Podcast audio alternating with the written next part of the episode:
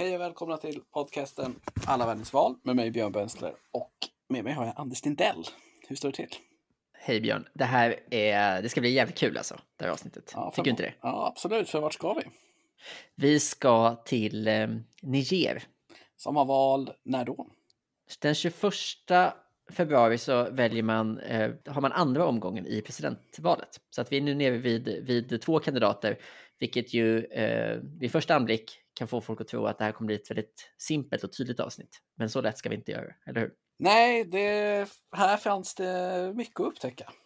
Det gjorde det verkligen. Bara en, en, snabb, det här är ju inte ett, ett land som så många säger till. Jag tycker det är till och med svårt att uttala för att man säger det så sällan. Alltså om man ska använda franska eller engelska, liksom Niger eller Niger. Jag, säger, Men, jag kommer säga Niger. Okej. Okay. Ja, jag, jag, tänkte att det är liksom mer pluggis poäng att säga Niger. Ja, men du, du är mer internationell än vad jag är. Ja, ja men fint. Men det är alltså, eh, ligger alltså i eh, Saharas sydliga del, söder, eh, strax norr om Nigeria och eh, söder om Algeriet och är svinstort, tre gånger större än Sverige och ungefär dubbelt så stort befolkningsmässigt. Så det är liksom ett glest, enormt eh, land. Det är en gammal fransk koloni eh, som idag är ett av världens fattigaste länder och som nu dessutom har haft, de har haft en ganska turbulent historia som vi kommer gå in på nu och de har också en ganska turbulent nutid därför att man utmanas av liksom två av de stora terrorgrupperna idag. Alltså man har eh, både från, från väster och från öster så kommer det in väpnade Eh, terrorister då och då. Så att det är liksom en, det är ett kämpigt val, eh, en, en kämpig period och mitt i allt detta så, så har de nu chansen att ha sitt första fredliga maktöverförande sedan självständigheten. Så det är mycket vi ska bena ut här. Var ska vi börja någonstans? Ja, alltså så här är det ju att ett land som Niger har ju givetvis en rik och mångfaldig historia långt innan europeer kom dit och började dra streck i sanden. Men eh, för den här poddens räkning så skiter vi lite i det idag. Utan vi kommer börja historien om Niger 1944 i och med Brazzaville-deklarationen. Och vad är då det? Jo, så här är det. Frankrike under andra världskriget var ockuperat och Vichy-regimen var formellt ansvarig för kolonierna.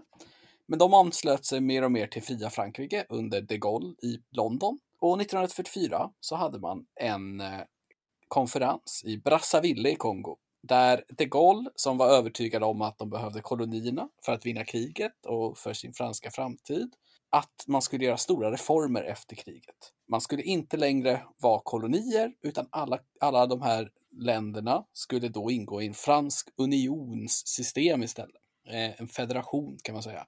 Med lokalt självbestämmande och representation i Paris och allt möjligt. Men man skulle inte bli självständiga, utan man skulle ha liberaliserat styre, men det skulle fortfarande vara franskt.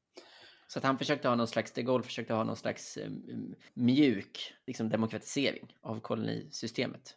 Eh, ja, så, alltså, om man vill tolka de Gaulles eh, gärningar i positiv bemärkelse som att han liksom faktiskt ville förbättra livet i de här länderna så kan man nog mm. göra det. I praktiken kanske det här var lika mycket en, liksom, en Nej, men det var väl makt. precis, det var ett sätt att kompromissa för att kunna Exakt. hålla kvar Ja. Och, och, då kan man lite snabbt flika in att det som är Niger idag, de blev en fransk koloni först runt år 1900 mm. och de nuvarande gränserna sattes inte förrän på 30-talet.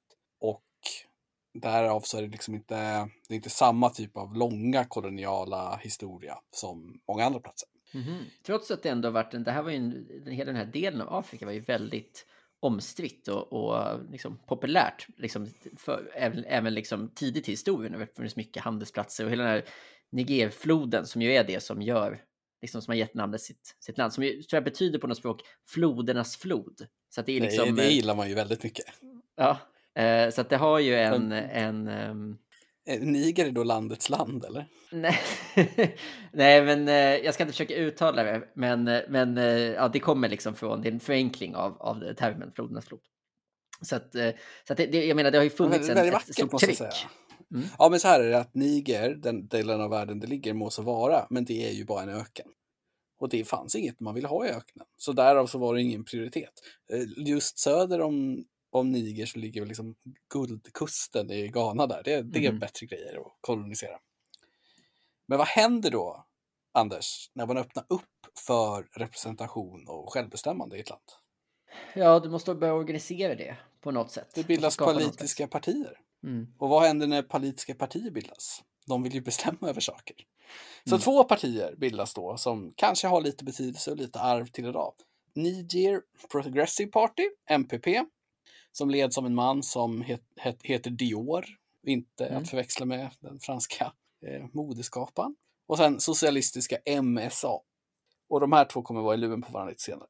Men eh, Frankrike efter kriget tappar successivt greppet om sina kolonier och, och Niger blir först en självständig del av den franska unionen, jag vet inte vad det innebär, 1958 med Diori som ledare då. Eh, och då förbjuder han ju direkt existensen av socialistiska MSA, som man ju gör när man tar makten i ett land. Förbjud oppositionspartiet direkt. Och så blir man ett självständigt land 3 augusti 1960. Och då blir då denna Diori den första presidenten. Och ja, han körde på ett tag tydligen, med ganska djupa band till Frankrike. Fram till 1974. Och då hände en sak som kommer hända många gånger efter det. Vad är det? Det är en militärkupp va? Ja, precis. En militär som hette eh, Konuche tar makten 1974. Och han kör på. Och det går rätt bra för Niger i slutet på 70-talet. Och jag vet, har studerat varför och det är lite spännande. Det visar sig att Niger har en sak som resten av världen vill ha och det är uran. De har en, en bra uranfyndighet i sin norra region. Och världsmarknadspriset på uran i nominella termer eh, pikade på 70-talet. Det var då det byggdes ut kärnvakt, va, Mm. kärnkraft och byggdes in i helvete med kärnvapen. Så det var ju liksom en guldålder för Niger.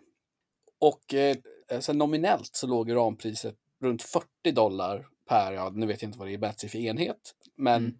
på slutet på 70-talet. Men efter både Three Mile Island och Tjernobyl och annat så var det under 5 dollar på slutet på 80-talet. Mm. Och för ett land vars enda stora exportvara var uran så var ju det här en katastrof. Så under den här militärdiktatorn så gick det först ganska bra. Och det var för Mm. att folk fick det bättre. Men det var ju för att uranpriserna på världsmarknaden flög i taket. Det här är ju ett argument som kärnkraftsförespråkarna i Sverige inte har kommit till ännu. Alltså att tänk på, tänk på folket i Niger. Ja, men Sverige har ju också jättemycket kärn, uran i marken. Nu tar vi inte upp den förvisso, men det merkantilistiska argumentet skulle Mm, kanske vara mm. att det är bra. Men i alla fall, han dog 87. Och då Mm. tog eh, hans chief of staff, Ali Saibo, över. Och då händer ju det första i det som jag tycker kanske är roligast med den franska politiska traditionen. Det är ju att, för han ville göra om konstitutionen. Och vad gör man då i en franskt politiskt system? Jo, man utropar en ny republik. Så då den andra republiken av Niger utropas 1989. En ny konstitution skrivs och Ali Saibo blir vald till president. Men det här var fortfarande ingen riktig demokrati och det skulle komma fler republiker framöver.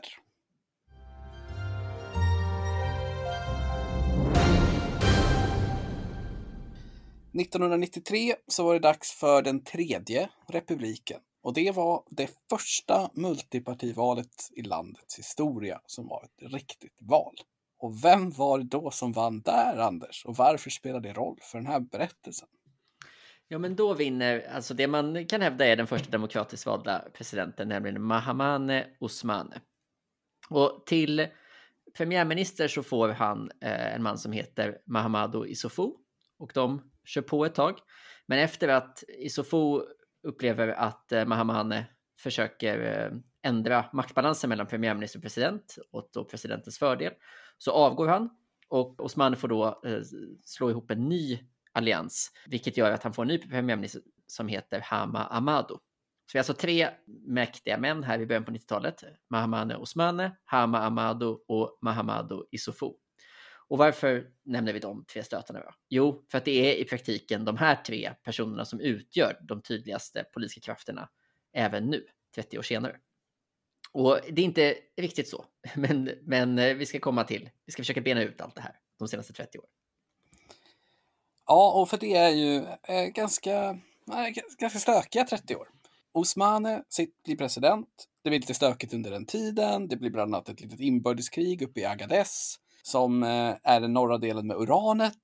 De känner sig lite negligerade av resten av befolkningen. Det blir bråk. Mm. Det är en instabil regering som präglas av den här maktkampen mellan president och premiärminister. Och militären rycker in igen och gör en statskupp 1996. Och då är det slut på tredje republiken och är dags för fjärde republiken. Eh, och den här militären som tar över, han är egentligen lite av en parentes i sammanhanget. Han heter Main Sara. Han fuskar till sig första presidentvalet och det andra, men sen så... Sen så liksom, det här har inte jag riktigt förstått i min research, men oppositionen tröttnar rejält på honom 1999 och då måste han fly landet och då dör han under oklara omständigheter på flygplatsen i huvudstaden. Mm, mm. Och då kommer nästa militär som är en väldigt intressant parentes i sammanhanget som heter Malan Vanke. Han släcker lyset för den fjärde republiken. Nu satsar man istället på att köra semipresidentiellt. Ett system som då är inspirerat av det som Frankrike har nu. Mm. Denna nya konstitution antogs 1999 och sen gick den här militären bara i pension och han har man inte hört något av sen. Och det är en udda ja. fågel i militärkuppernas Niger, kan vi säga. Mm. Så då testade de demokrati igen, eh, år 2000 kan man säga. Mm. Och i valet 2000 då var ju våran vän Mahmoud Osmani tillbaka. Ja, en, en spoiler är väl att han, han, är ju, han kommer ju alltså delta i alla val. Han är liksom, det är, det är inte val om inte Osmani är med. Nej, han är på valsedeln oavsett vilket val det är. 10-talet präglades av en president som vann 2000 som sen ville förändra och sitta kvar, eh, så blev bortkuppad av en ny eh, militärkupp och eh, sen blev det en sjunde republik på den 2011 där ett frittvalshöst. Och där vinner ju då, efter en lång kamp, så vinner då Isofo. Och ska vi säga någonting om Mahmoud Isofo så är han alltså, han leder ett, det som heter Partiet för demokrati och socialism, PNDS. Det, det är ett parti med liksom starka kopplingar till Franska socialistpartiet. De är med i liksom socialistinternationalen och de är liksom tunga bland ja, klassiska eh, vänstermålgrupper. Så tunga i städer, klunga, tunga bland, bland yngre och bland akademiker. Och de vinner då till slut makten här för första gången, men de har ju då varit på något sätt en, en spelare även innan eftersom deras eh, presidentkandidat har varit premiärminister.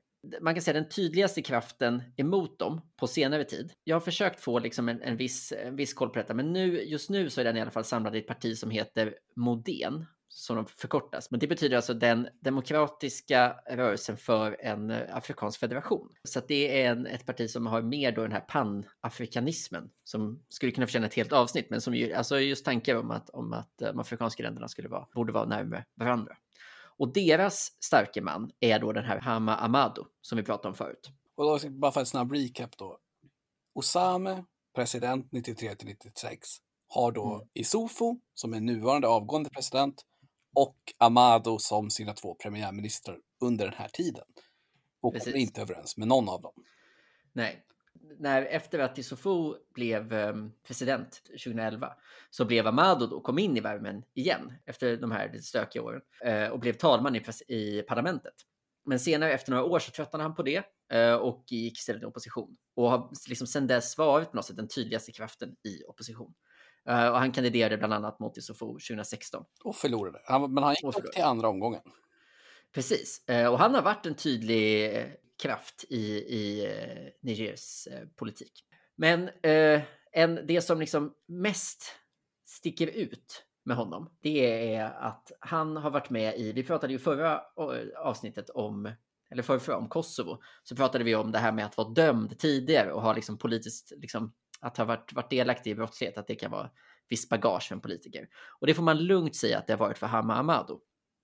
Han är, är nämligen dömd eh, för eh, barntrafficking. Och det eh, är ju inte... Allvarligt brott kan man säga.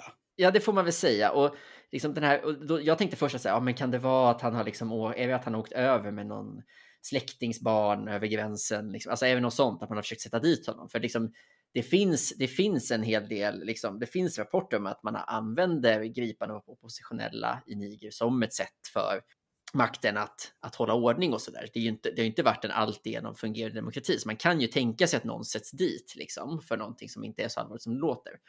Men det som det verkar vara frågan om här, om man, om man litar på domstolen i Niger, är en, en härva där alltså eh, man noterade ett skarpt ökande av barnafödandet i liksom, överklassen i Niger. Eh, och det, det finns liksom en hel del liksom kulturella markeringar av att det är viktigt att kunna få barn. Det är väl i liksom alla länder, men det är intressant i Nigeria att det, man har liksom en av de högsta födslotalen i världen. Jag tror att den ligger nu på typ fyra per kvinna. Så det är alltså väldigt, är väldigt hög befolkningstillväxt. Man kan ju tänka då att det inte behövs eh, Eh, så mycket fler barn i landet, men det har ändå uppenbarligen funnits en marknad för att alltså helt enkelt till eh, infertila svinrika personer i Niger så har man har då smugglats barn helt enkelt från eh, framförallt eh, Nigeria som jag förstår.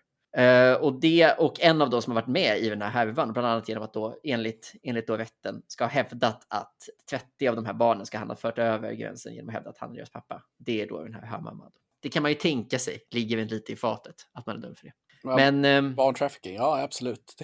precis. Sen har han ändå, han ändå krigat på. Han, han, eh, han flydde ju till, eh, till Frankrike då, höll sig undan rättvisan och sen kom han tillbaka och liksom tog sitt straff, vilket är ett år i fängelse. Då kan vi då skicka in att eh, Mohamed Ousmane, som är i andra omgången då, ex-presidenten, 93 han har såklart också suttit fängslad i husarrest. Mm. Eh, Mohamed Issoufou, sittande president avgående, också suttit fängslad i husarrest och Hamamodo som också så att det finns. Så att det är liksom, som vi konstaterade i Uganda-avsnittet, har man inte suttit i fängelse har man inte gjort en politisk karriär. Nej, precis. Och eh, den, den stora folkkära sångerskan Hamsou Garba har, har dels gjort en del låtar till stöd för Amado, men också då gått ut och kallat honom eh, för Nigers eh, Nelson Mandela. Är hon en Sara Larsson-figur eller är hon lite mer en Sanna Nielsen-figur? Du alltså, skulle säga. Jag har ju försökt, jag har försökt ta mig igenom några av hitsen. En, alltså hon är nog kanske mer en Carola än någon av de andra.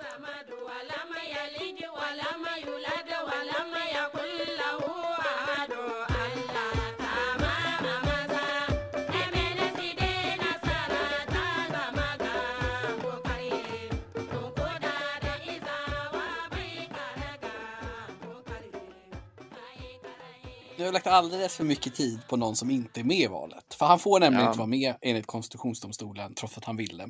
Och de verkar inte, enligt dina anteckningar så var det utan motivering också. ja, utan motivering, men alla, alla, alla verkar ju på något sätt ändå tänka sig att det är för att han är dömd. Det, det, det fanns ju ungefär 30 kandidater vad jag förstod det i december när första omgången hölls.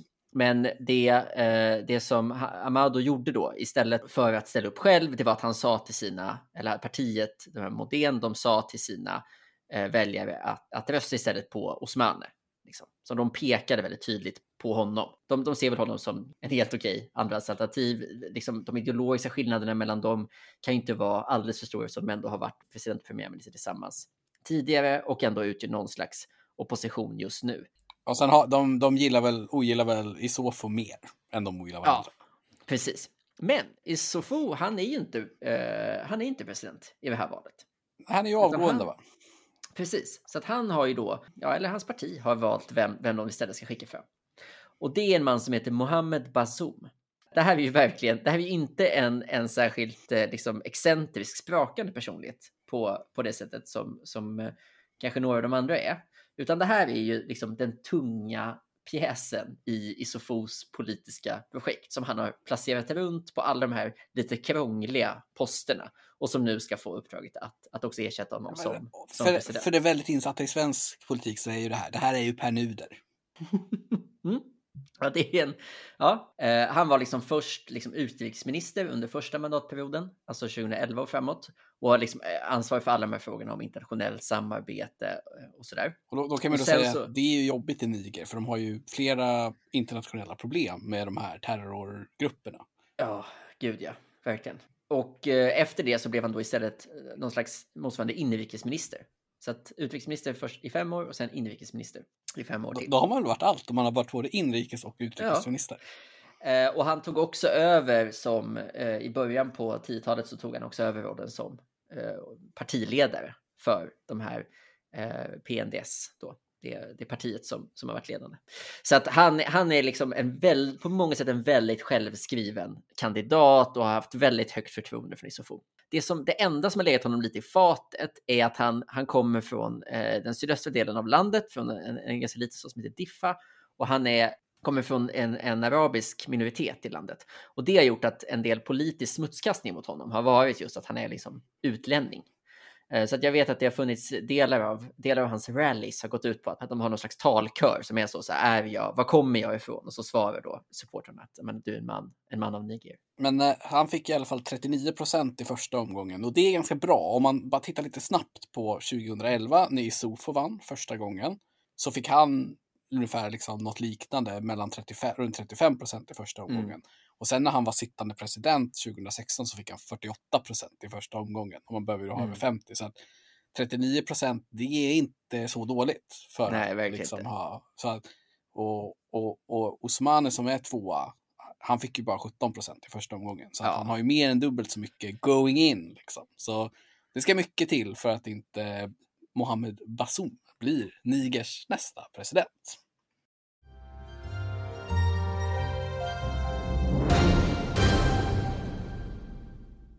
Men om vi då skulle dra, Anders, lite spelreglerna för det politiska systemet i Nigers sjunde republik. Då. Vad är det som gäller egentligen?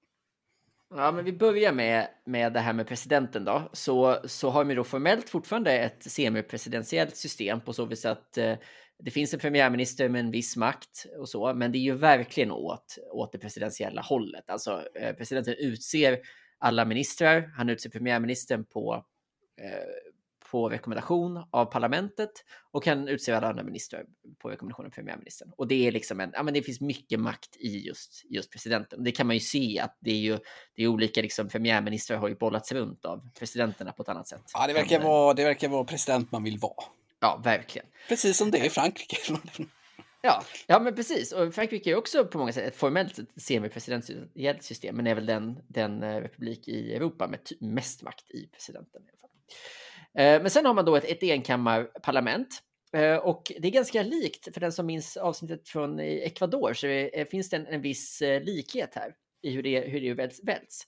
Det är 171 platser totalt och nästan alla, alltså 158, väljs i åtta valkretsar proportionerligt med, med partilistor. Så det, det, är, det är hyfsat lättbegripligt. Sen har man åtta valkretsar, eller åtta platser som väljs i enmansvalkretsar baserat på etniska minoriteter, som i eh, Kosovo. Och sen så har man fem platser avsatta för diasporan, alltså personer som, som är medborgare i Niger men som inte bor Här borde man ju börja med i Sverige, att diasporan får platser i riksdagen.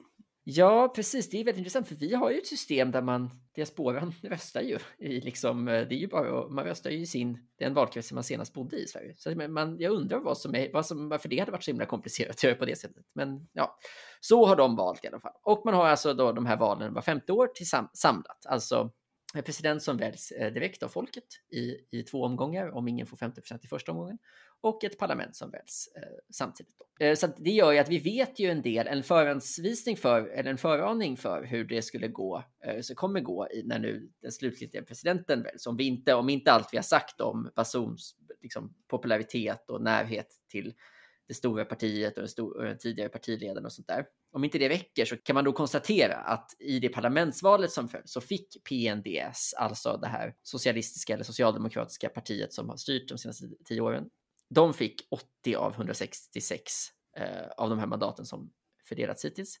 Det borde man ju kunna bygga en majoritet på. Det borde man ju kunna. De, alltså, de behöver alltså bara jaga in. Det är ju 171 ska ju bli totalt, men de behöver ju bara jaga in liksom knappt 10. För att, för det kan att, man ju kohandla sig fram. Ja, det borde man kunna med tanke på att det finns så extremt många partier. Det är väl ett väldigt eh, fragmenterat parlament också. Ja, exakt. Och det kan man se på att det största oppositionspartiet som då är de här Moden, alltså eh, Hama Amadous eh, parti, de fick 19 mandat. Så att det är då det största oppositionspartiet. Så att ja, på många, eh, mycket talar nog för att det kommer finnas dels en, en eh, president som kommer ha ganska uppkörda hjulspår eftersom han har haft så pass ledande, ledande positioner hittills. Och det kommer också finnas ett parlament som kommer göra det hyfsat lätt för honom att regera. Men för att säga någonting om opinionen då, eller de stora frågorna att, att hålla koll på just nu, så kan man ju konstatera att det behövs nog eh, ganska bra förutsättningar för vem som än blir president i, i Niger framöver. Därför att det är ju eh, ett ganska kämpigt läge.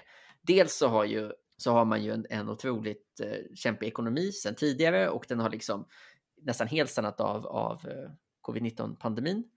Man har dessutom just hotet från, från uh, olika väpnade grupper eller liksom terrorister som är ju det man, om man, om man söker internationell press på uh, Niger så är det det man får upp, olika dåd som har skett.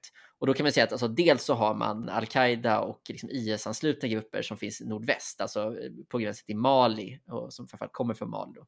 Ja, där och vet sen- man ju att det är stökigt. Där är väl typ svenska insatser och franska insatser som håller på och grejer väldigt mycket. Ja. Liksom. Och det spiller liksom över och liksom ganska nyligen så var det en attack i den delen av Niger där liksom 100 personer dog. Är de där, vad heter de, Boko Haram där också? Eller är det Nej? Boko Haram kommer in i Niger från öster då istället, för, alltså över från gränsen till Nigeria. Så att man har liksom två fronter att förhålla sig till. Där. Och det är ju inte liksom, om man redan är världens tionde fattigaste land så är ju inte det en dröm, drömläge att behöva hantera. De hade ju ett stort problem med en halvsvältkatastrof någonstans där på 00-talet, såg jag också. Och, och de verkar också ha regionala problem att de har svårt att hålla ihop. Och, för man kan säga att liksom, nästan alla bor ju i södra Niger. Och Mm. det verkar ju finnas någon splittring mellan södra Niger och resten av Niger. Då, Mm. som är liksom, Ja, precis. Nästan alla städer så ligger liksom i en ganska liten del av landet. Ehm, och sen så, jag lyckades ändå hitta någonting om debattklimatet som är lite, som var lite spännande. Att, att eh, ett institut som heter Media Foundation for West Africa, de har gjort en, en eh, bedömning av hur språkbruket är i, i debatterna. De helt enkelt har kollat på i vilken utsträckning som officiella företrädare i radiodebatter man har mätt radiodebatterna och i vilken utsträckning man har använt oanständiga, eller det engelska uttrycket indecent, begrepp och så. Alltså hur, hur, hur, liksom, vilket, hur kränkande och grovt språkbruk man har haft. Och då i, enligt, enligt det här då, internationella institutet så ska oppositionspartiet Moden ha varit värst, eh, men även, även PNDS, alltså det här ledande partiet, eh, ligger ganska dåligt till i den mätningen. Och det finns alltså en ökning i, så det finns någon typ av polarisering, verkar de, verkar de göra ett case för här. Men jag, jag kan inte bedöma det supertydligt, måste jag säga. Nej, jag har, inte, jag har inte sett något om det där. Nu i Uganda så var det ju att det var lite fake news och sådana här saker. Liksom. Jag har inte sett att någon har fejkat att, att Obama stödjer den och sådana här grejer. Nej. Eh, och, eh, och det man kan säga är ju att det, det är ett historiskt, det är ett historiskt val de ska gå in i. Och bara slutligen så, så är det ju inte alldeles självklart att, att, eh, att man liksom ska, ska ha den här typen av överföring, liksom maktöverföring. Därför att två grannländer, eller åtminstone i närområdet, alltså Elfenbenskusten och Guinea, har ju nyligen gjort så att man helt enkelt bara ändrar konstitutionen så att sittande president kan, kan dundra på en mandatperiod eller fler till. Ja, och Niger har ju då rabbat igenom fem eller sex nya konstitutioner sedan 1989. Så att det, det är ju... Det är, det är intressant. Det blir väldigt intressant att följa om det här maktav... Nu blir det ju maktväxling och den blir ju fredlig. Frågan är vad som händer efter det. Ja, det ja, men eh, som sagt, val nästa på söndag då när vi spelar in söndag här, så 21. Eh, och det blir riktigt intressant att se. Vart går den här podcasten nästa gång Anders? ja just det. Vart ska vi? Vi, har Ska- varit så, vi, äh. vi går in i en period nu där vi kommer ha lite tätare mellan, eh, mellan valen och därmed eh, avsnitten tror jag. Ja, det är ju tätt redan nu skulle jag säga, men jag tror att det är El Salvador. Ja, det är nog, det är nog eh, El Salvador. Vi kommer, ha, kommer behöva trixa lite för att få plats med de här. För att i ma- mars verkar vara en av de populära månaderna. Det är väl 11 april det är val i hela världen, eller hur? Ja, precis. Det, det är någon slags super... Och för den, Super den som är väldigt sugen på mer Västafrika så tror jag Chad ligger då. Mm. Men eh, då tackar vi för oss för det här avsnittet i alla fall och så ser vi hur det går i Niger på söndag. Mm, det gör vi. Vi hörs.